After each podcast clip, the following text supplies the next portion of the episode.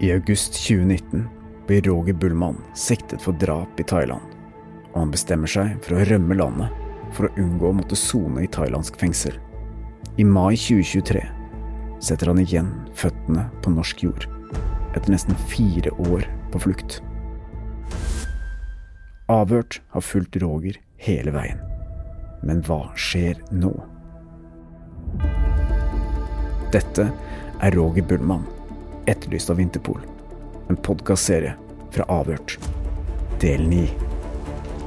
Det var her i luksushotellet bak meg at en nordmann kvelte og drepte en britisk småbarnsfar 21.8 i år. Nordmannen er etterlyst av Interpol i 188 land. Mens kona til den drepte hevder nordmannen på brutalt vis angrep og kvelte briten til døde, mener nordmannen at det var han som handla i nødverge. Etter nesten fire år på flukt er Roger Bullmann tilbake i Norge. Dette har vært en lang reise for Roger, men også for Avhørt. Vi er nå alle tre tilbake i studio, og det er på tide å snakke litt om alt som har skjedd. Men aller først, la oss høre litt på det som skjedde på Gardermoen for snaut tre uker siden. Ok, er du klar? Nei Ja. Ser du den? Så jeg ser ikke noe med de solbrillene på. Så. De er sikkert i nærheten.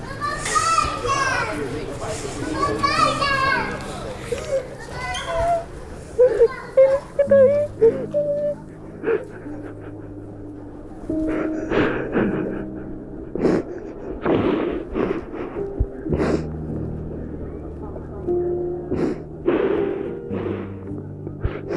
aldri gå fra denne men Jeg elsker deg.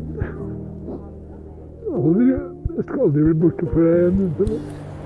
Aldri. Bra, da er han i gode hender. Vært på roadtrip? Road ja. Ja, fy faen for en tur. Nei, det var, Ja, det føles føles det var dra riktig. dramatisk. Det er intenst. Noen intense døgn. Ti timers søvn siden tirsdag eh, totalt. Ja, Fy faen for en tur. Ja, var Ja, altså, jeg kjente det da hun dattera kom der. Og du. Vet. Fem passkontroller. Jeg kjenner det fortsatt. Skal vi gi en eh, Ja.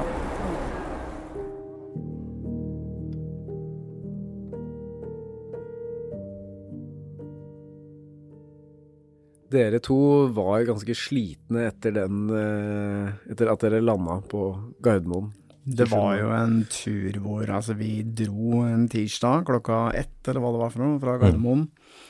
Og landet halv fem på onsdag i Danang. Og eh, planen var jo at vi egentlig mer eller mindre skulle gå rett på toget. Samme natt, men det toget var jo fullt da. Ja. Så vi kom jo av gårde dagen etter, men uansett så hadde vi en 16 timers togtur på et tog som ikke akkurat var Det var ikke kjempeavslappende. Uh, mye folk og, og selvfølgelig litt nerver i forhold til det at vi uh, satt jo egentlig bare og venta på når de skulle komme og sjekke passet til Roger. For det sto jo det, at det var passkontroll på det toget, men det var det jo ikke. Det var det ikke. Jeg tror ikke det var ordentlig billettkontroll heller. Nei, vi så jo aldri noen konduktør. Nei, og det, vi vet jo at det var noen jenter blant annet som hadde sniket seg på det toget der, som hadde tatt uh, senga til, uh, til Roger. Ja, det var jo fem jenter inne på lugaren hans. men, eh, men det er klart at du har jo Du er jo liksom på vakt hele tiden, og du klarer jo ikke å slappe helt av. Og da vi kom fredag morgen til Hanoi halv seks om morgenen, da var jeg ganske sliten, altså. Ja. Og eh, så hadde vi liksom en dag å vente med ganske mye nerver da, Helge. Du kom jo brasende inn på rommet mitt, i hvert fall to ganger. Relativt bekymra for uh, Her må vi avbryte. kveldens Ja, men det er jo helt greit. Jeg tror jeg var bare så trøtt at jeg, jeg, jeg sovna, rett og slett, altså. Ja, du, du fikk eh, sove. Ja, jeg jeg jeg regna ut da jeg kom hjem at fra vi dro fra Oslo så, og kom tilbake, så hadde jeg til sammen altså sovet pluss minus ti timer. Jeg hadde fått sovet mye mer hvis det ikke var for at du kom og hamra på døra to ganger. Jeg var litt bekymra For- for, for- eh, Jeg kom for å, si for at jeg ikke Jeg banka på døra di for å si fra at jeg ikke fikk sove. Når ikke Stein Morten svarte, så ringte du til meg. Ja. jeg måtte ha noen å prate med. Eh, Men jeg, jeg tenker at det er en ganske naturlig reaksjon, da. Å være lite grann eh, Tenk på at det, kunne jo fått konsekvenser for oss, det her. Ja, selvfølgelig. Man befinner seg i et land som eh, er kommunistisk. Har et litt annet eh, styresett enn det vi har. Har sikkert ikke så mye respekt for eh, presse og den frie presse. Mm. Og vi hadde jo blitt fortalt en historie av Roger. Han hadde jo sett en arrestasjon på gata hvor de kjørte på en sånn 16-åring med motorsykkel, og tre mann sto og banka ham opp med batong. Så det er klart at vi hadde jo litt det i bakhodet, og når vi skulle ut på denne flyplassen sammen med Roger, altså vi var jo de eneste, vil jeg tro, eh, norske på den flighten. Ja, 100 Ja. Og, og det skal kanskje ikke så veldig mye eh, ligge to og to sammen for å liksom koble at disse tre nordmennene det, det, var, det var tre norske pass på denne flyplassen, og alle skulle med den samme eh, flighten hele veien helt til Oslo på samme tidspunkt. Så, eh, ok. Så jeg, jeg må innrømme at da vi mistet han, Mm. så bestemte vi at du skulle stå ute for å se om han eh, fortsatt var der ute et eller annet sted, og så skulle jeg gå igjennom. Og da jeg sto i den køen for å vise passet mitt, og tenkte hvis de har tatt han nå, Mm. Og så kommer jeg med mitt norske pass Mm. Jeg kan faktisk risikere nå å bli plukka opp i den passkontrollen, jeg òg. Jeg kjente jo hadde litt grann puls eh, da jeg gikk gjennom. Jeg husker at han derre kontrolløren, han stirra veldig på passet mitt opp på meg. Altså i hvert fall fire ganger opp og ned. Liksom jeg fikk det blikket. Så jeg tenkte Og da visste jo ikke jeg at Roger hadde kommet gjennom. Så hadde, jeg var litt nervøs da, det må jeg innrømme. Vi hadde jo en avtale med Roger at hvis han skulle bli hanka inn og, og avhørt uh, i immigrations der, så skulle han si at han reiste alene. Hadde ikke noe følge. Men man vet, vet jo ikke helt eh, hva som foregår oppi Nei, du kan tenke deg, han, han kommer, og så ja. blir han tatt. Ja. Og så kommer jeg ti minutter etterpå med mitt norske Ja. Pass. Altså, jeg kunne jo risikert å bli tatt, vi, og det er ikke noe tvil om det. Og vi var jo innstilt på at Eller innstilt og innstilt. Vi hadde jo i bakhodet at uh, kanskje det ble en tur i Karsotten. Ja, og så hadde vi ikke gjort ordentlig eh, hjemmelekse heller i forkant. Vi burde jo hatt med oss noe mer eh, Pressekortet mitt det hang jo på veggen her på kontoret. Det, det hadde jeg ikke tatt med meg. Vi hadde ikke noe sånn papirer på hvorfor vi var der. Det er jo ganske vanlig når du drar som journalist eh, til et eh, risikoområde, da. Eh, Eller der du potensielt møter på myndigheter eller politi som kan stille spørsmålstegn ved det man driver med. At du da har en lapp fra f.eks. din eh, redaktør så, hvor det står eh, at eh, denne journalisten er på oppdrag for dette mediehuset. eh, Ikke sant? Men, og hvor er egentlig Hvor stiller vi oss som podkastere i, i, i, denne, denne problemstillingen her? Altså, er vi journalister? Når vi ikke har en ansvarlig redaktør på disse episodene som vi gir ut gratis? Eller er vi bare podkastere? Og hva slags rettigheter har vi da? Og hva er en podkaster? Hva er en Ja, podkast? ikke altså, den er, det er ganske vanskelig, det der, altså. Ja, Ja, og det interessante er at jeg tok jo en telefon hjem, jeg også snakket med en journalist jeg kjenner, bare for å få noen sånn siste råd i forhold til uh, hva vi skulle gjøre. Og han sa jo det at uh, den største risikoen han opplevde da han var ute og reiste, var dette her med å få spionasjeanklager mot seg. Ja. For det vil man helst unngå. Og det er jo veldig vanskelig å motbevise òg. Nei, jeg er ikke en spion. Jeg vil bare lage en dokumentar om en kar som har vært etterlyst av Interpol i snart fire år. Og Men- for, for eksempel, det, det kan jo fremstå Ok, hvor har han befunnet seg? Jo, han, har- han har vært her i Vietnam Mm. i, i, tre og et halvt år. Så bare ok, og det er det dere har tenkt å fortelle? Har dere tenkt å fortelle at Vietnam, vårt land, er et sted hvor eh, folk som er på rømmen kan oppholde seg? Og skjule seg. Ja. Så jeg tror ikke det jeg hadde vært så interessert i det heller. Nei, jeg må jo si at da jeg endelig kom igjennom og så For gaten vår var jo rett utenfor sikkerhetskontrollen. Så det første jeg så da jeg kom igjennom, var jo han som satt der. Og det var jo et øyeblikk som jeg aldri kommer til å glemme. Jeg trodde ikke mine egne øyne, altså. Nei. Jeg gjorde virkelig ikke det. Der satt han, og han hadde kommet gjennom fem kontrollpunkter. Mm. Det var jo helt eh, ja, surrealistisk. Mm. Det var det. Så, eh, og så må jeg innrømme at da vi satte oss på flyet, så satt jeg og venta. Ok, kan vi ta oss snart, kan vi ta oss snart, kan vi komme oss vekk, kan vi komme oss vekk? Og så letta flyet. Og så tenkte jeg, så jeg så på det kartet. Så tenkte jeg, tenk om det kommer en melding nå, så flyet snur, liksom. Så jeg satt liksom og holdt litt pusten helt til vi forlot Ja. Vietnam, da. Ja, for- passerte grensa. For på setet foran så har du sånn her medie, en liten slags eh, iPad-sak eh, som er i, integrert i setet, hvor man da kan se på filmer og, og forskjellig, men òg se på sånne her, at et flybilder, eller sånn jord, jordklode, flykart. Ja, Ja, ja. ja. Jeg satt og stirra på det hele tiden. Og da vi liksom krysset grensen til Kambodsja, så tenkte jeg gudskjelov. For du tenkte at det kanskje kunne Ja, ja. være at de skulle snu dette flyet? Ja, jeg satt og tenkte det.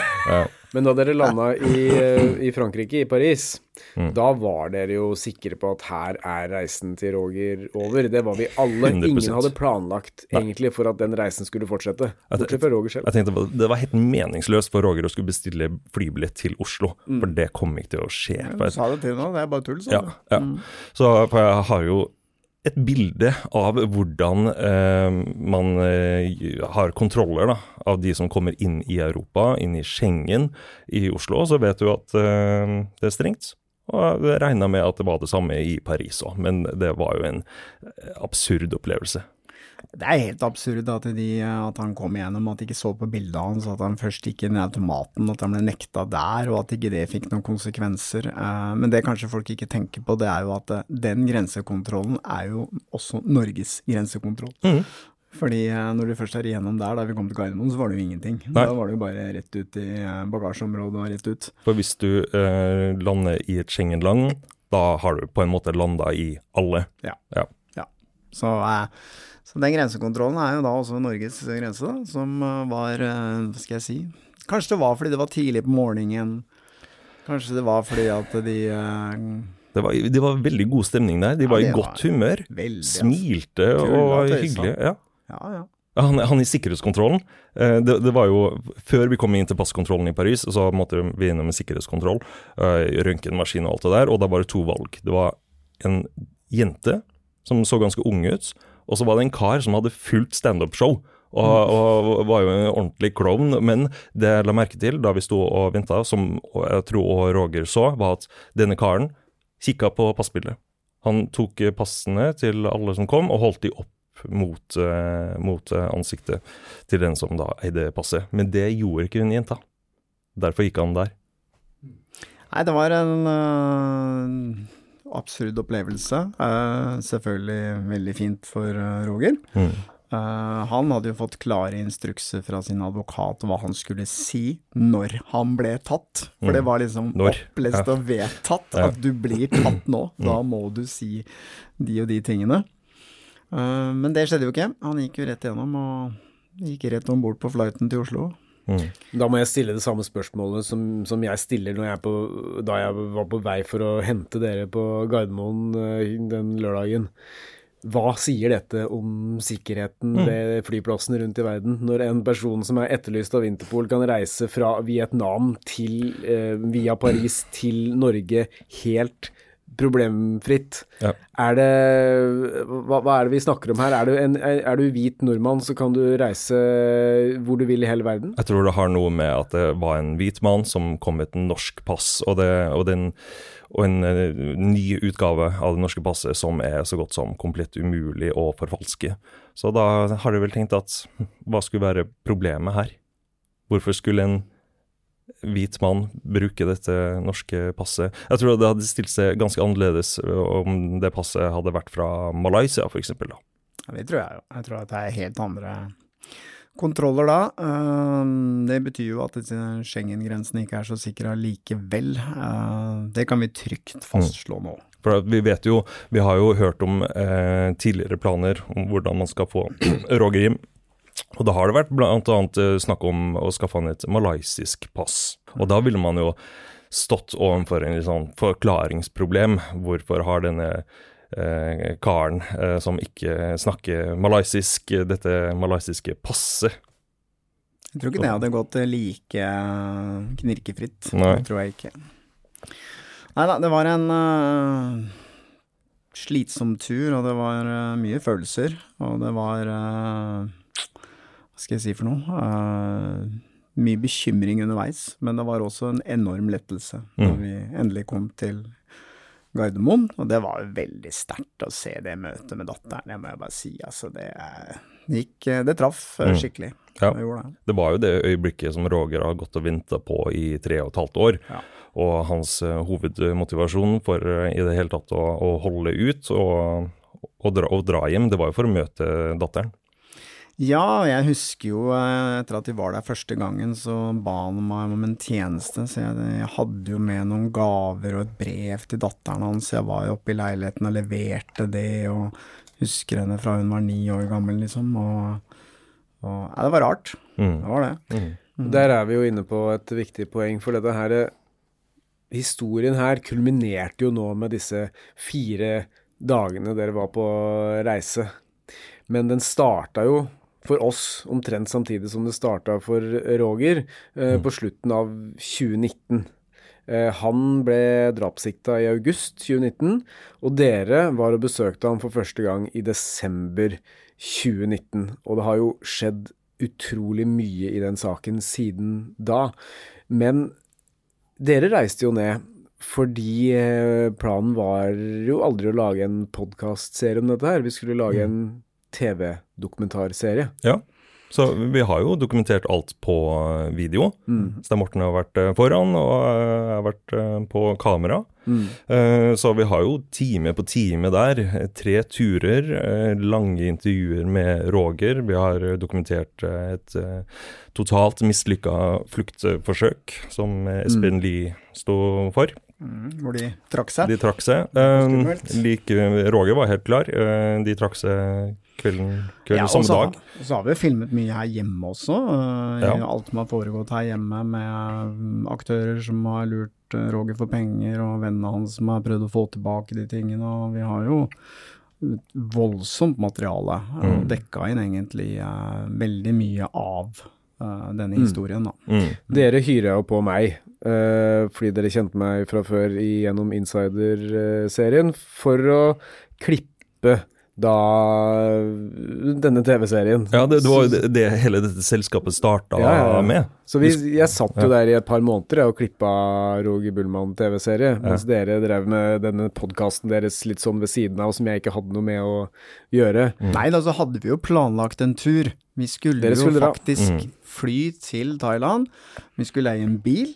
Vi skulle rekonstruere hele flukten hans fra Thailand til eh, Vietnam. Vi hadde jo store planer om å få filme alle de tingene. Men så Skjer det som kom jo pandemien.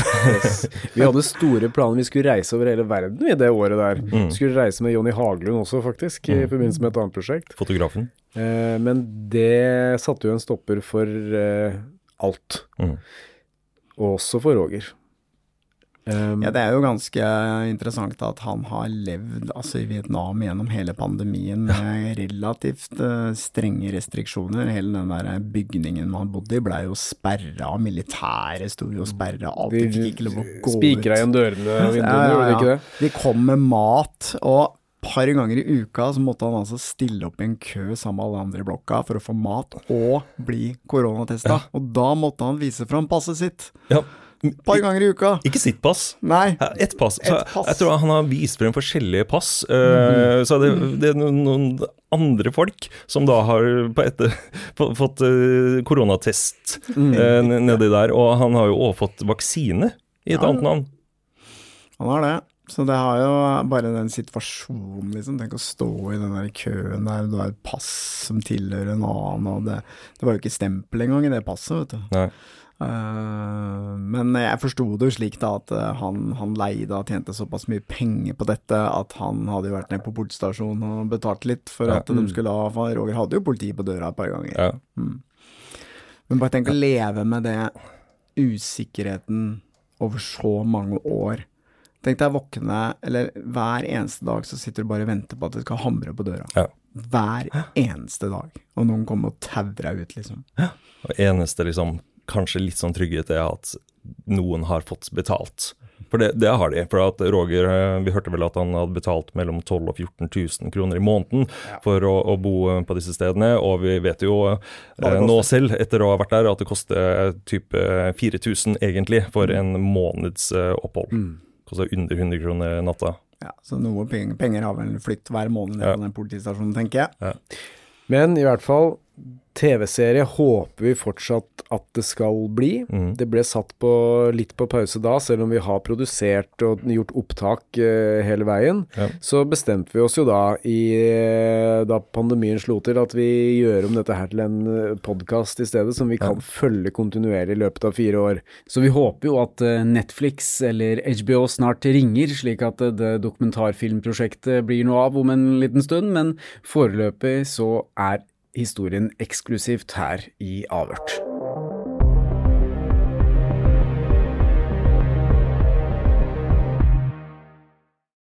I løpet av disse årene så har det jo vært veldig mange, og dette har vi jo sagt mange ganger nå, som har prøvd å hjelpe Roger, og ting har ikke gått, og det har bare kosta Roger masse penger. Men eh, kontakten med deg har jo vært eh, konstant, og det, Roger har jo hatt tillit til avhørt gjennom hele denne prosessen. Jeg tror det handler veldig mye om at uh, vi etablerte et eh, ganske bra forhold første gang vi var nede, og så er vi jo kanskje de eneste som aldri har sagt til Roger at vi skal ha noe penger av han. Uh, I det hele tatt. Vi har liksom sagt til han at vi ønsker å, å å dokumentere disse tingene. Vi ønsker å, å snakke med deg, og kanskje den viktigste jobben oppi hodet mitt er jo at vi har sørget for at han ikke har blitt glemt. Mm. Eh, fordi at du vet jo hvordan nyhetene er, det er noen eh, dager eller uker, det, og så er det over, og så glemmer det. Men vi har liksom passet på hele tiden og liksom si til han vi skal ikke glemme deg, vi skal ikke eh, slutte å, å følge saken din og følge deg på denne reisen, og vi skal være med til slutten. Mm. Og, og det har vi holdt, og det tror jeg har gjort at han eh, har stolt på oss. Det er ikke noe tvil Ja, og vi hadde jo bare én betingelse, og det var at vi skulle få lov til å dokumentere disse tingene her, og det har Roger latt oss gjøre. Av Hele den eh, reisen vi var på nå, disse fire dagene, da surra jo kameraet kontinuerlig. Jeg tror det var én gang Roger ble såpass sliten at han eh, spurte om eh, vi kunne slutte å, slutte å filme, men ellers så eh, stilte han opp. Det er jo viktig å påpeke da, at vi har ikke fått noe betaling fra Roger, og vi har heller aldri betalt Roger noe for å stille opp eller hjulpet han økonomisk gjennom denne prosessen her. Nei, der har vi jo vært veldig tydelige hele veien, at uh, vi kan ikke involvere oss i saken din på den måten at vi liksom betaler ting for deg. Og sånn. det, det går ikke, det kan vi ikke gjøre. Det har han akseptert også, og forstått. Roger har jo aldri bedt om at Neida. vi skal betale han noe. Nei da. Det, det er jo vi veldig liksom viktig å påpeke. Veldig tydelig på det, da. Ja. At uh, vår hjelp består i at vi skal uh, sørge for at du ikke blir glemt. Vi skal Og så har jeg gjort sånne ting som å ja, tok med gaver eh, hjem til datteren hans, kjørte opp og leverte det, leverte brev, og det mener jeg er helt greit. Men det vi har opplevd, er jo at uh, mange av de andre vi har vært i kontakt med, som f.eks. disse som skulle hjelpe Roger, de har eh, krevd oss for penger. Det er ganske mange som har gjort. Det er ganske mange som har gjort det, har tenkt at uh, hvis vi skal få lov til å dokumentere at de hjelper Roger, så skal vi uh, spytte ut hundretusener av kroner for å få lov til det. Så gjennomgangstonen her fra alle de som, som da gjerne ville hjelpe Roger, har jo bare vært å mest mulig penger. Det er penger det handler om. Penger, penger, penger, De skal, de skal ha penger av Roger, de skal ha penger av oss, og så gjør de ingenting. Og de backer ut i siste liten. Ja, det har vært uh, gjennomgangstonen Mm. hele veien.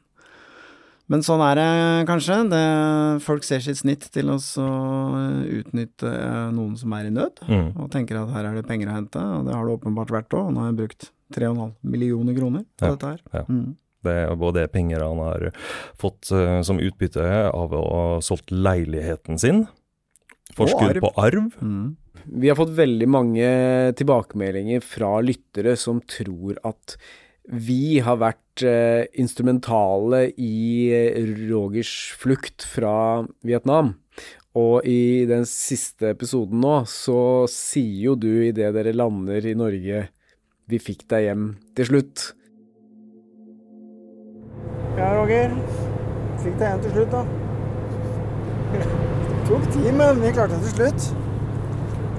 Nei, Jeg trodde ikke før siste Ja, før nå nesten. begynner- Nå begynner det å Jeg er fortsatt redd for at han får noe på øret og svinger deg over til, til, Storbrit til Storbritannia isteden, og så lever han med det Ja.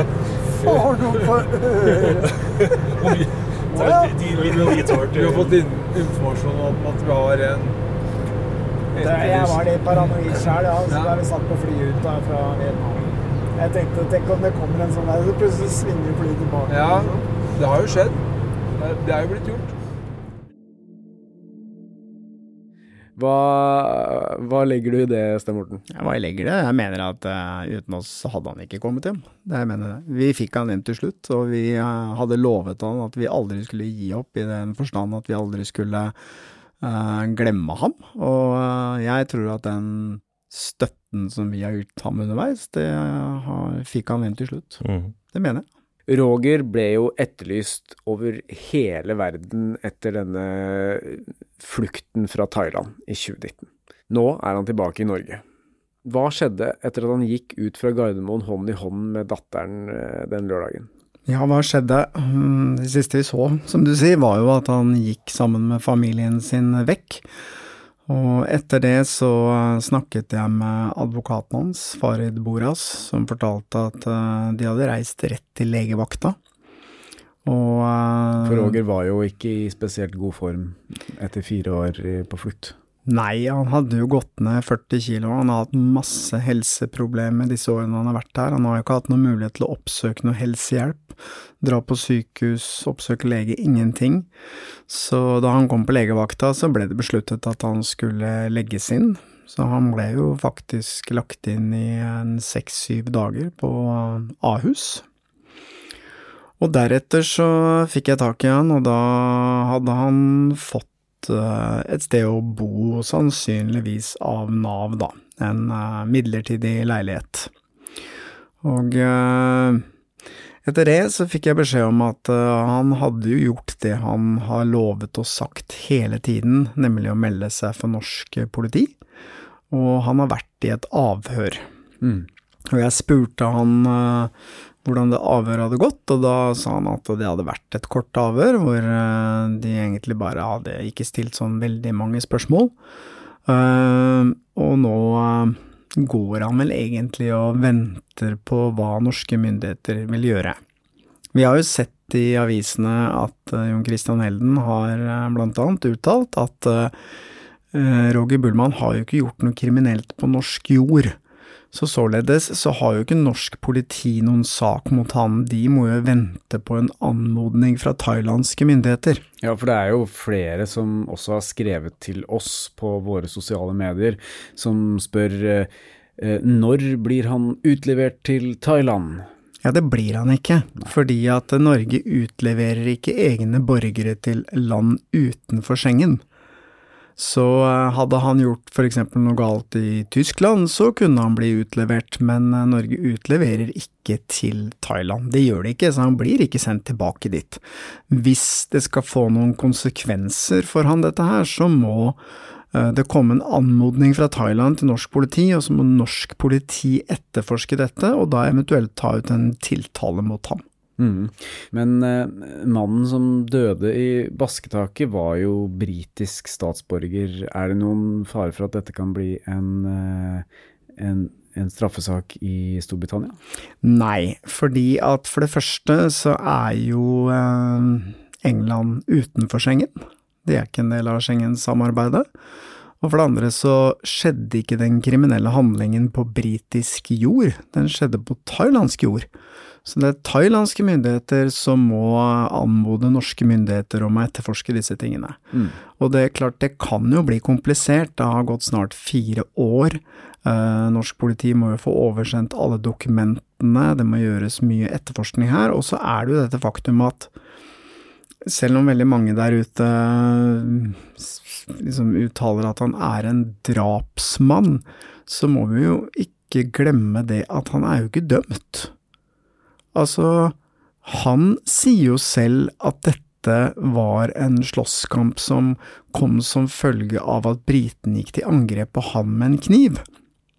Og hvis faktaene i saken eh, viser at det stemmer, så har jo egentlig ikke Roger gjort noe galt, da har han handlet i nødverge. Men hvis det viser seg at det var han som startet hele slåsskampen og gikk til angrep på denne briten, så har han selvfølgelig eh, gjort noe galt og skal straffes for det, og jeg så at eh, Elden hadde uttalt at hvis det var tilfellet og han ble dømt for det, så ville det tilsvare en ca. 10–12 år i fengsel her i Norge, da. Så for at dette skal bli en straffesak i Norge, så er vi avhengig av at thailandske myndigheter anmoder eh, norske myndigheter om å straffeforfølge ham her i Norge. Det er korrekt. Mm. Men eh, historien om Roger Bullmann ender jo ikke her. Vi skal jo selvfølgelig følge dette tett.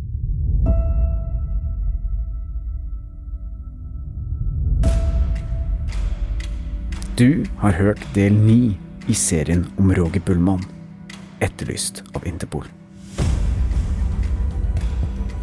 Avhørt er produsert av Batong Media. Redaksjonen vår består av Stein Morten Lier, Helge Molvær og Lars Christian Nygårdstrand. Og du finner Avhørt på Facebook og Instagram. Vil du høre eksklusive episoder av Avhørt? Gå inn på podmy.no, eller last ned Podmy-appen. Hvis du setter pris på Avhørt og syns at den jobben vi gjør er viktig, så kan du støtte oss ved å vippse til 80 75 99, eller søke opp Batong Media i vips appen Og vi setter stor pris på alle bidrag, store og små.